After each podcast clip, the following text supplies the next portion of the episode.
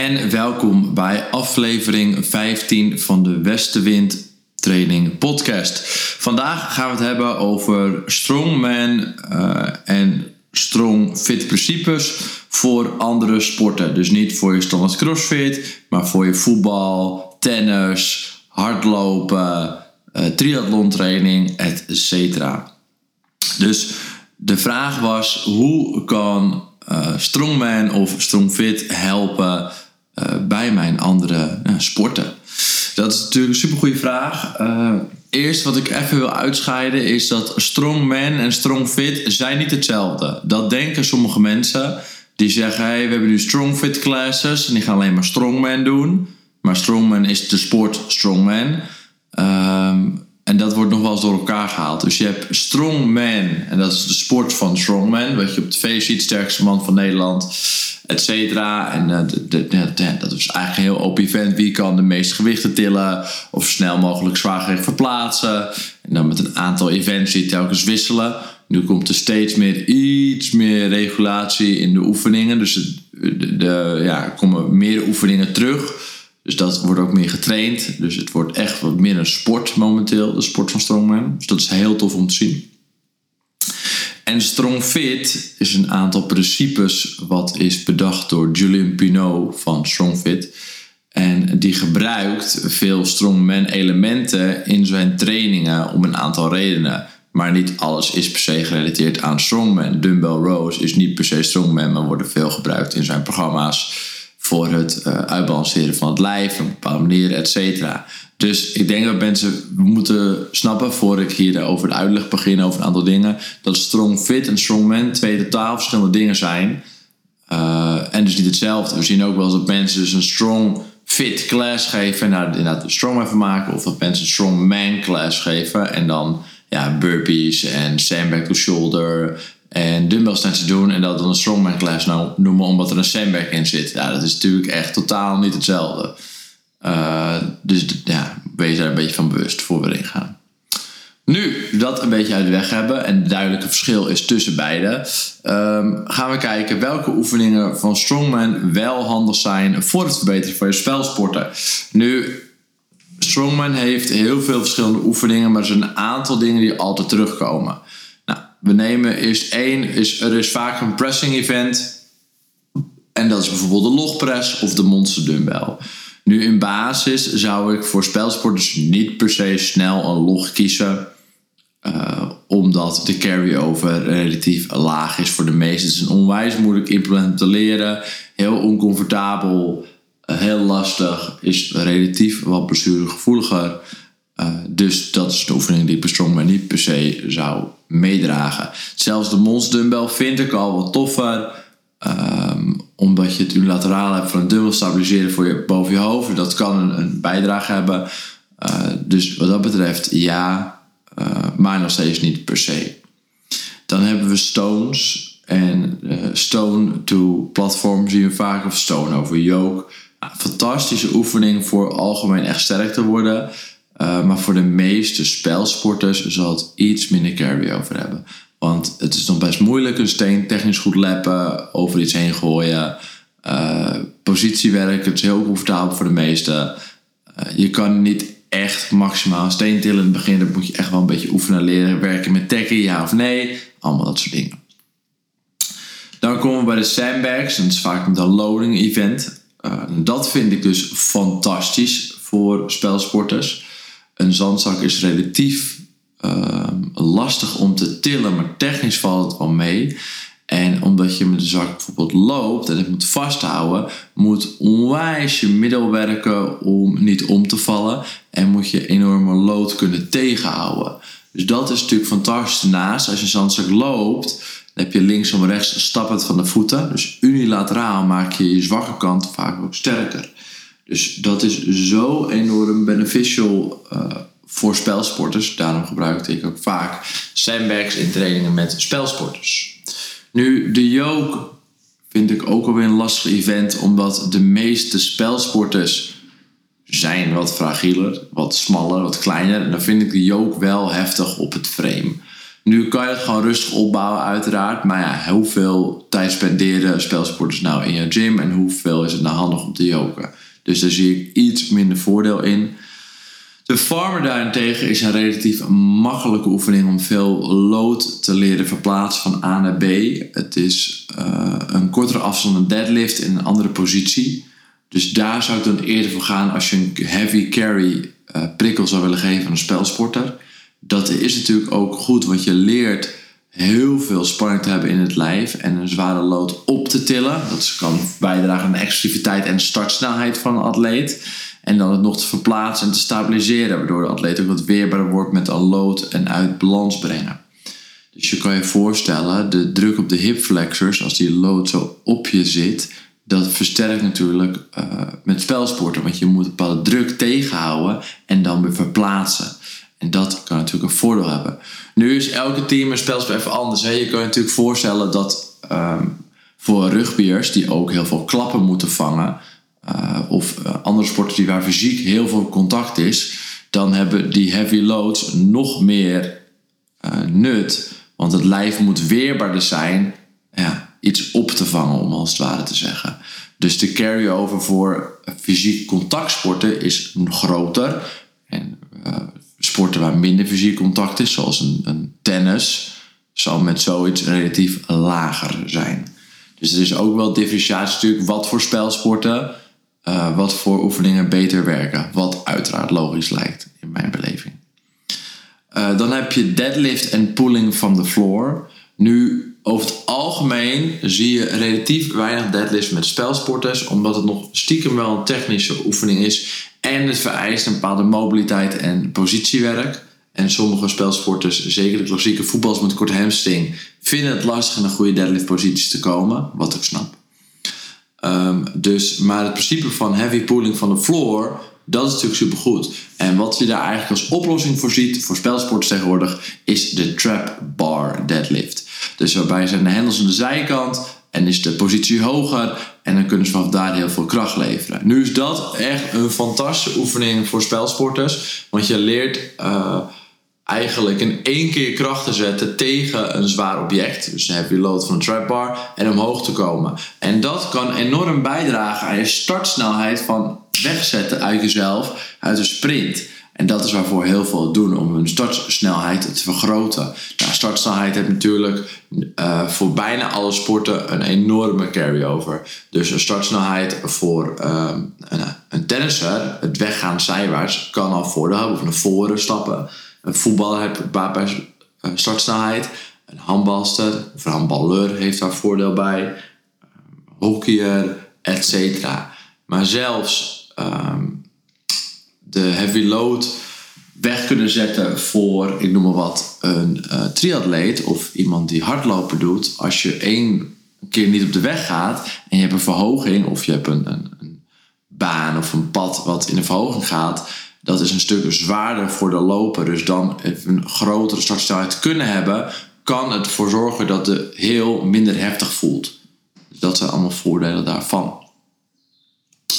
Dus je ziet een aantal dingen van strongman, de sport, kunnen heel goed de carry over hebben. Zeker dus met handballers, uh, rugbyers, voetballers, dingen waar meer fysiek contact is. Nou, mensen die wat minder fysiek contact hebben in een spelsport, is het een mindere carry-over. Maar dan een aantal juist alsnog wel, zoals inderdaad die trap bar deadlift, de farmer carry en die sandbag, dat helpt nog steeds gewoon. Ook een sandbag loaden is een hele violent hip extensie voor nodig. Dus daarbij moet je enorm kracht leveren uit de heup. En dat is als het ware een triple extensie. En dat heeft natuurlijk een sprong uh, transitie. Dus het helpt je sprongkracht vergroten. Wat voor praktisch elke sport handig is.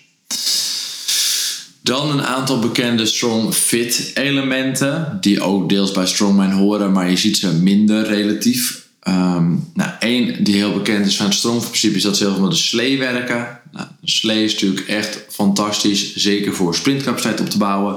Dus als je een, een, een, een slee sprint, nou, dat heeft natuurlijk enorme carry-over voor spelsporters om hun uh, snelheid te vergroten. En dat kan ook voor rehab gebruikt worden. Dus rustig stappen om al bepaalde spieren sterk te maken die aan de achterkant zitten. Zoals de hamstring, de glutes, de calves, etc. Dat is natuurlijk fantastisch. Ook is nu heel erg veel bekendheid de reverse sledge drag aan het krijgen. En die komt voornamelijk vanuit social media werk, vanuit Niche over Toes Guy. En dat komt vanuit dat het zou helpen heel veel knieblessures te voorkomen. En daar lopen natuurlijk heel veel spelsporters of andere atleten mee met knieklachten. Dus het naar achter lopen met een slee, dat kan de, de schenen en alle spieren rondom je knie sterker maken, zodat je minder knieklachten krijgt. Wat natuurlijk een groot voordeel voor alle is. Dus de slee is een, een, van mijn nummer 1 tools bij het helpen ontwikkelen van atleten. En of het nou een sprint, een heavy sled drag is, dat hebben allemaal zijn voordeel. Het andere strongest element dat we heel veel zien is rope pulls. Het touw naar binnen halen om alle rugspieren sterker te maken en daarbij een bepaalde intensiteit leveren op het zenuwstelsel die ook meteen uh, neurologisch, maar ook uh, fysiologisch een bepaalde overdracht hebt. Dus het leren leven van hoge intensiteit, een hoge out, power output. Dat zijn natuurlijk gewoon om in sport als dat nodig is. Niet direct in de vorm van alleen row maar ook van een heftige upper body sessie kunnen geven dat al die spieren met die rope rondom je schouder worden ook sterker. Dus als je met bepaalde sporten zit, zoals het hockey, het opvangen en het klappen geven met een bal, of met kickboksen, het stoten uitdelen, al die spieren rondom de schouderklom moeten natuurlijk sterk gemaakt worden. Daar helpt dan rope bij. Nou, het derde element waar Strongfit bekend om is, is de klassieke sandbag carry ook een van mijn favoriete oefeningen, gewoon een sandbag carry. Daarbij wordt de zandzak opgepakt en wordt er vaak voor een bepaalde afstand gelopen. Of het dan 4 minuten is of 400 meter, dat is bij verschillend. Of zwaarder en korter. Nou, het mooie daar natuurlijk is dat je de zandzak moet vasthouden voor je. En dat is isometrische contractie. Dus je hele lijf moet werken om daar te houden. En dat moet op je obliques, je buikspieren, je rugspieren, armen, etc. Ondertussen wordt er gelopen en door het lopen heb je weer het unulaar effect. Dus links versus rechts sterker maken. Uitstappen, stap, stap, stap, stap, stap. En je moet dus hele tijd je gewicht plus de zandzak verplaatsen naar één been. Wat dus de one-legged strength enorm vergroot. Wat dus zo belangrijk is voor spelsporters. Juist. Het uitbalanceren.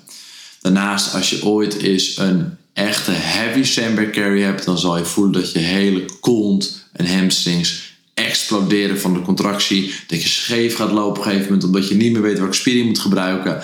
Dat, dat is zo'n toffe prikkel om te ervaren. Doe maar eens een 1 rm sandbag carry voor 80 meter. Of een aantal sets op een enorm zwaar gewicht voor 80 meter. Nou, je schiet in de kramp. Als jij als man met 125 kilo zandzak kan lopen voor 80, dan voel je echt de hele achterkant ontploffen. Fantastische oefening. Doe het natuurlijk wel met pick-up. Ik zie ook wel eens mensen die vergeten de pick-up en dan doen we alleen het lopen. De pick-up hoort er wel een beetje bij. Dus ja, als je niet kan optillen, dan heb je ook niet heel veel rechter mee te lopen. In de meeste gevallen. Um, dus probeer dat een beetje te onthouden voordat je denkt: oh, ik neem het alleen aan, ik loop er alleen mee. Uh, daarbij heb je ook natuurlijk een bepaalde techniek met de sandbag die goed wordt gebruikt. Anders komt er nog relatief veel druk in de rug. Wat niet erg is, maar minder nodig. Dus die elementen Strongfit zetten enorm om. Dus ik gebruik heel vaak die elementen juist bij spelsporters in combi met Strongman elementen. Je hebt natuurlijk ook sandbag squats om de benen sterk te maken. Um, en die heavy sandbag tosses, et cetera. Je hebt allemaal elementen. Dus in mijn mening is er een enorme carry-over. Het is ook heel makkelijk te doen. Het is oprecht, als je bij een club bent, dan is het echt een super easy aanschaf. Dus als jij zegt, hey, ik, ik, ik heb bij het veld een aantal zandzakken en sleeën. dan kan je echt een fantastische training inzetten qua krachtniveau om die gasten sterk te maken of dames. Dus door sandbag doen, sandbag to shoulder, sleigh sprints, heavy sled pushes. Gewoon echt een fundament creëren om ze sterk en snel te maken zonder te veel technisch gedoe te ondergaan. Nou, dit is even de basis over een aantal oefeningen. Er zit natuurlijk hè, in een strongman arsenaal nog veel meer oefeningen. Net als dat er in de strong fit Arsenaal natuurlijk principes. En ik heb nu een aantal elementen die veel naar voren komen door hun genomen. Die worden gebruikt. Maar dat kan natuurlijk, hè, dat palet is natuurlijk enorm wijd. Maar daar hebben we niet alle tijd voor om elke oefening door te nemen. Nou, het volgende wat heel erg naar voren komt, waar ik heel pro van ben, is de meeste strongmen en strongprincipes die balanceren het lichaam automatisch uit eh, tegenover opzichte van de sport. Dus over het algemeen zie je dat de bovenbenen wel goed ontwikkeld zijn, maar de hamstrings bijvoorbeeld niet. Of de billetjes niet goed in werken of niet goed ontwikkeld zijn. Of je core zwak is, et cetera. En juist die oefeningen vanuit Strong Fit en Strong Man kunnen dat versterken. Dus die zorgt voor sterkere hamstrings, zodat je geen hamstring krijgt. Die zorgt voor betere glutes, zodat je explosiever kan wegrennen en hoog kan springen. Eh, die zorgt voor een stabiele core, zodat je niet scheef gaat lopen en een enkel of kniepje krijgt tijdens het hardlopen. Um, dus wat het mooie is aan al die elementen is het uitbalanceren van het lijf. En wat je normaal veel in de sport ziet of in de ontwikkeling, ook door veel zitten, et cetera, et cetera. Naast onze sport natuurlijk. Dus ook de human flaws worden automatisch een beetje gecompenseerd. Ehm, daarnaast is er natuurlijk een enorme correlatie tussen jumping ability en start sprintsnelheid. Dus een onderzoek van heel lang terug, die heeft eigenlijk geconcludeerd dat als ik nu iemands sprong kan vergroten, dus ik focus op oefeningen die de ja, spronghoogte kunnen vergroten van de atleet, dat het een directe carry-over heb naar start- en sprintsnelheid. Nou, je kan je natuurlijk voorstellen als ik jou met bepaalde hamstringoefeningen en glute-oefeningen heel makkelijk hoog laat springen, wat in basis niet zo moeilijk is, dan vergroot ik automatisch de startsnelheid. En dat is natuurlijk enorm waardevol. Denk maar aan het nee, weglopen bij een tegenstander, of eerder bij de bal zijn, of uh, meer power kunnen leveren als je met rugby fysiek contact maakt. Startsnelheid is een van de meest handige dingen in de sport als je naar fysieke attributen kijkt, naast spel en zicht en dergelijke. Nou, als je dus door bepaalde hamstrings, glutes uh, sterker te maken met bepaalde oefeningen, uh, en daardoor jouw sprongkracht vergroot en automatische startsnelheid, is natuurlijk een enorme win. Uh, en dat kan natuurlijk met uh, heel veel van die strongman oefeningen gedaan worden. Ook andere oefeningen uiteraard. Hè. Dus niet dat het uh, een het andere hoeft weg te strepen. Dus in de GED wordt ook heel veel gewerkt vanuit de training die ik vaak gaf. En de bekende is de Nordic Curl of de Glute Ham Race. Ja, als ze daar natuurlijk automatische sprong hoogte mee kunnen vergroten bij een voetballer. Dan, en hij is ook sneller meteen. Ja, dan, dan ben je natuurlijk uh, binnen. Dat is natuurlijk fantastisch voor die atleten. Dus dat is natuurlijk iets wat erg opvalt. Nu is er een andere kant, en dat is een wat meer open discussie. Um, skill. Waarom zou ik een oefening kiezen die te moeilijk is te beheersen? En dan refereer ik een beetje door naar Olympisch gewichtheffen. Uh, vaak voor explosiviteitstraining wordt bijvoorbeeld het voorslaan of het snatchen gebruikt uh, om een uh, atleet explosief te maken. Maar wat daar natuurlijk tegenover staat is de ontwikkeling van de skill van oorliften. Olympisch gewicht hebben is tyfus moeilijk. Het is gewoon niet makkelijk. Je leert het niet zomaar. zelfs atleten die het veel doen, uh, die hebben er heel veel moeite mee. Dus voordat je echt een load kan hebben met Olympisch gewichtheffen als spelsporter, die daadwerkelijk die stimulus geeft voor explosiviteit, dan moet je even doortrainen. En moet je best wat uren spenderen om die barbel onder controle te krijgen. Dus waarom zou je een atleet kostbare tijd um, inzetten op die. Want ik neem aan, krachttraining is waarschijnlijk maar één, twee keer per week voor de meesten. Dan heb je al mazzel waarschijnlijk voor de meesten. Uh, waarom zou je daar op de Olympisch gewicht hebben gaan, waarbij het voornamelijk skill is wat in het begin getraind worden en niet daadwerkelijk de fysiologische effecten zoals explosiviteit, snelheid, wat je wil ermee trainen. Dus ik ben dan veel meer voorstander van of sandbag uh, maar of gewoon klassiek plio-werk, pliometrische sprongvormen, wat denk wel de ultieme uh, krachttraining tool is voor de meesten. Gewoon je sprongvermogen oefenen en trainen door verschillende sprongvormen te beoefenen. Of het nou zijn, of bounding jumps, of gewoon klassieke boxjumps. En alles heeft zijn tijd en plaats in het voor de atleet. Um, maar die oefeningen, gewoon plio-werk, om het zo maar even te uh, zeggen, dat heeft natuurlijk een veel betere carry-over. Hetzelfde met zo'n sandbag oppakken en gooien is relatief makkelijker dan een knappe barbell clean of snatch maken of een banded deadlift bijvoorbeeld. En hè, dat leert natuurlijk te versnellen. Dat is mooi, een banded deadlift. Dat, dat dwingt je te versnellen door het laatste deel van de extensie. Nou, als je dat jezelf natuurlijk aanleert, dan heb je natuurlijk die carry-over met een spelsporten weer.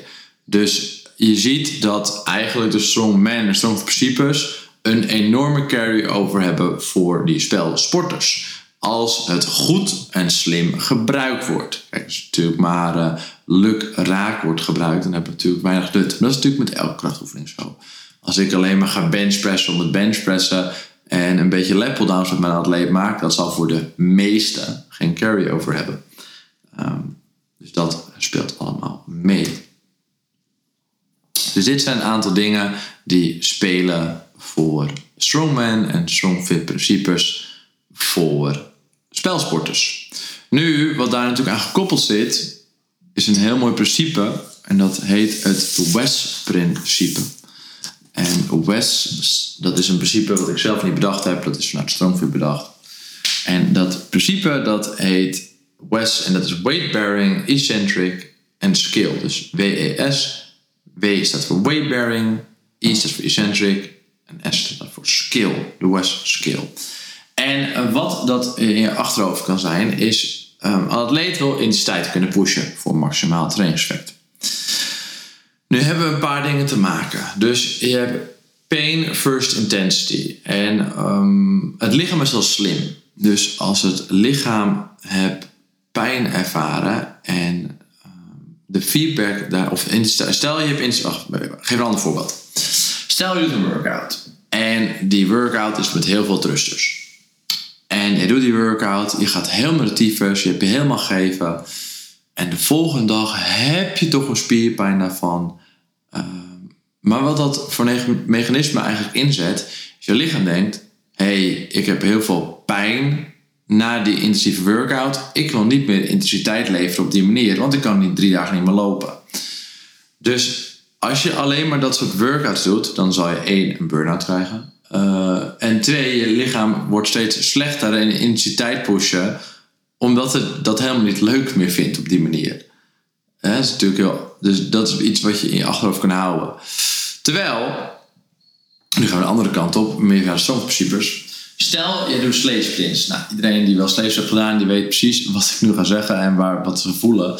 Als jij een aantal keer helemaal actief is met de slee, intensiteit maximaal geleverd, maximaal intent om echt sneller en krachtiger te worden. Nou, dan ga je naar huis, ben je moe, slaap je waarschijnlijk de hele nacht. Um, en dan word je wakker. En, en als je het even hebt gedaan, dan denk je: mijn benen zijn ontploft, mijn kuiten zijn stuk, ik kan zes dagen niet meer lopen, dit wordt echt hel. En wat ga je merken? Uh, je hebt het gedaan, je gaat naar huis, je gaat slapen. Volgende nacht denk je: oh, ik heb eigenlijk helemaal geen spierpijn. Misschien kan ik de volgende keer een stapje harder. Dat leert het lijf op die manier aan. Dus um, we gebruiken in training vaak een West scale bij dat soort combo's als we willen dat je intensiteit gaat pushen. Nu kunnen we dus concluderen als we naar slee kijken, is de skill van een slee hoog? Nee, want ik hoef alleen maar te duwen. Dus low skill. Is de eccentric van een slee hoog? Nou, nee, want er is geen excentrische fase bij een slee. Het is voornamelijk concentrisch. Oké. Is de weight bearing van een sled sprint hoog? Nou, een sprint is relatief laag, dus weight bearing is ook laag. Dus als de West scale laag is, kan je maximaal intensiteit pushen. Nu gaan we de andere kant op. Stel, we doen de workout, uh, noem even wat, Amanda. Weight bearing van Amanda, snatches, ja, relatief medium, medium hoog. Is er een eccentric phase met Amanda? Ja, want ik heb squat snatches en muscle ups. Dus elke keer dat ik ga squat snatchen, moet ik die low eccentric ondersteunen. Oké, oké.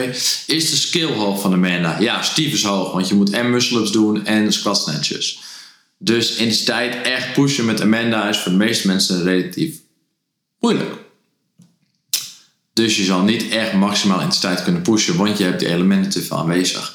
Nu, als je als crossfitter natuurlijk heel eh, ervaren bent, wordt het al makkelijker daardoor heen te gaan. Want de skill van de muscle-up is in, in basis hoog. Maar als je natuurlijk heel goed in wordt, wordt de skill steeds lager. En kan je wel intensiteit pushen. Hetzelfde op een gegeven moment wordt de eccentric ook voor jou relatief uh, minder. En omdat je meer kan hebben. En weight bearing is ook natuurlijk relatief iets. Squats met 40 kilo is voor sommigen heel zwaar. Weight bearing voor sommigen natuurlijk totaal niet. Maar het gaat de grote lijn hetzelfde principe doen. Want je kan nooit, je kan nooit zo ballistic gaan op Amanda als dat je gaat op een sleesprint. Hetzelfde is, een ander klassiek voorbeeld, is een assault of echo bike. Weight bearing laag, eccentric laag, scale heel laag. Dus je kan je ziel verkopen op een assault of echo bike als je wil en maximaal intensiteit leveren voor die stimulus.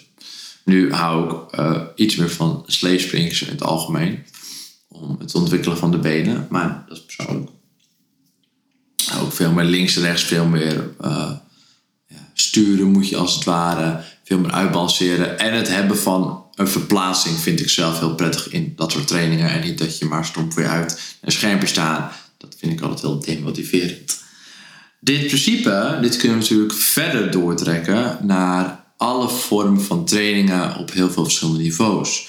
Dus dit kan zijn dat dit soort trainingen nodig zijn voor de CrossFit-atleet die intensiteit moet leren pushen en ontwikkelen. Zodat hij in wedstrijden, als het echt moet, die switch kan omgooien. Want als hij nooit dit soort trainingen krijgt, is het ook heel moeilijk ze uh, intensiteit te leren te pushen. Als hij alleen, nooit die feedback loop zo kan krijgen. Dus als hij nooit belist kan gaan zonder een nadeel daarvan te ervaren de volgende dag, dan zal hij nooit steeds beter daarin worden. Terwijl als je dit soort workouts, zoals een sleesprint, uh, erin gooit, dan leert hij dus intensiteit steeds meer te pushen. Dat is natuurlijk leuk. Voor hem als het moet, zeg maar. Met bijvoorbeeld een, een klassieke uh, eindsprint workout die we vaak zien op hoog niveau. De laatste workout van het weekend is vaak een sprinter. Bijvoorbeeld, uh, nou, wat is een tijdje terug, was het iets van 30 cal echo bike, dan 20 burpee box up over en 10 stomach over shoulder. Ja, dat is natuurlijk gas, gas, gas, gangers, alles verkopen ziel. Uh, maar dat soort dingen moet je dus ook in trainingen dan doen om beter in te worden. Het kan ook zijn zoveel chest to bar, into zoveel thruster, into zoveel over het squat of walking lunges we hebben allemaal dat soort varianten wel eens gezien op hoog niveau. Dus als je natuurlijk leert de intensiteit te pushen en die pijn leert, hey, het is oké, ik kan hier doorheen, dan wordt het ook beter. Dus als je dat niet laat terugkomen in je training, dan doe je jezelf een kort als wedstrijdleed. Tipje. Um, maar het is ook, uh, als we kijken naar mensen die minder vaak trainen, hey, oké, ik heb hier Jan, Jan is niet veel meer trainen. Uh, hoe gaan we hem wel intensiteit geven zonder het heel moeilijk van te maken? Waarom kies ik bepaalde oefeningen wel? Oh, ik merk de skill van een sledio is relatief laag voor Jan. Jan heeft helemaal niet bewogen. Jan kan niet zoveel. Maar ik kan wel een maximaal resultaat van die slee krijgen. Nou, oké, ik wil wel een beetje eccentric prikkel geven. Ik geef een andere oefening voor die eccentric die uh, wel low skills, maar wel hoog op de eccentric. Bijvoorbeeld een hip extensie. Uh, heel rustig laten zakken. En uh, omhoog, dat je daar een fase op zet. Of je kan werken met een dumbbell bench. En dan kan je de weight bearing, eccentric en skill is dan wat lager. En de eccentric kan je hoger maken met tempo. En de weight theorie ook. Dus zo, die drie elementen kan je enorm gebruiken om oefeningen voor bepaalde mensen te kiezen. Denk, oké, ik wil maximaal resultaat. Misschien moet ik de skill omlaag zetten. Of misschien moet ik de weight bearing omlaag zetten. Of misschien moet ik de eccentric hier en daar wat aanpassen. Als ik wil ze intensiteit push in of een workout of bepaalde oefeningen. Ehm, West Scale is sowieso natuurlijk prettig voor mensen die minder trainen om een basis te bouwen. Om daarna naar hogere skill hoger eccentric en more weight bearing te gaan. Dus dat concept van de West is natuurlijk fantastisch, vooral met ouderen. In het begin niet te veel weight willen, de eccentric, want ze willen niet veel spierpijn, want ze zijn niks gewend. En de scale, want ze bewegen wat slechter, kan relatief lager zijn. En dan kunnen ze maximaal trainingsresultaat fysiologisch halen. Uh, voordat ze eigenlijk weer verder gaan. Dus dat is natuurlijk fantastisch. Dus ik raad zeker aan uh, dit principe van de WES te gebruiken. Dit is dus niet van mijn Strongfit, maar ik gebruik het zelf over mijn trainingen. Um, voor je cliënten, voor je eigen trainingen, als wedstrijdsporter, heeft dat gewoon een voordeel. Dus dat is gewoon onwijs belangrijk. Um, ja, ik denk dat dit alles wel concludeert in het algemeen. Dus Strongman trainingen zijn enorm voordelig voor spelsporters, indien goed gebruikt. Daarnaast kan je nog dus naar de West Skill kijken. Als je denkt, hé, hey, ik wil atleten echt push-up intensiteit, zorg dat de skill laag is, de eccentric laag en de weight bearing ook relatief laag. Of kies ervoor maar één of twee hoger te hebben. Uh, kies oefeningen die het lichaam eh, versterken in je zwakheden. Dus heb ik een zwakke posterior chain, een zwakke hamstring glutes, core. Kies oefeningen die het sterker maken. Ah, en dan zijn we denk ik wel zo'n beetje. Uh, probeer de strongman oefeningen, spelen mee. Heb je vragen hierover? Stuur ons een berichtje op de socials, Westenwind trainingen. En dan kan ik je altijd verder helpen. Westenwind.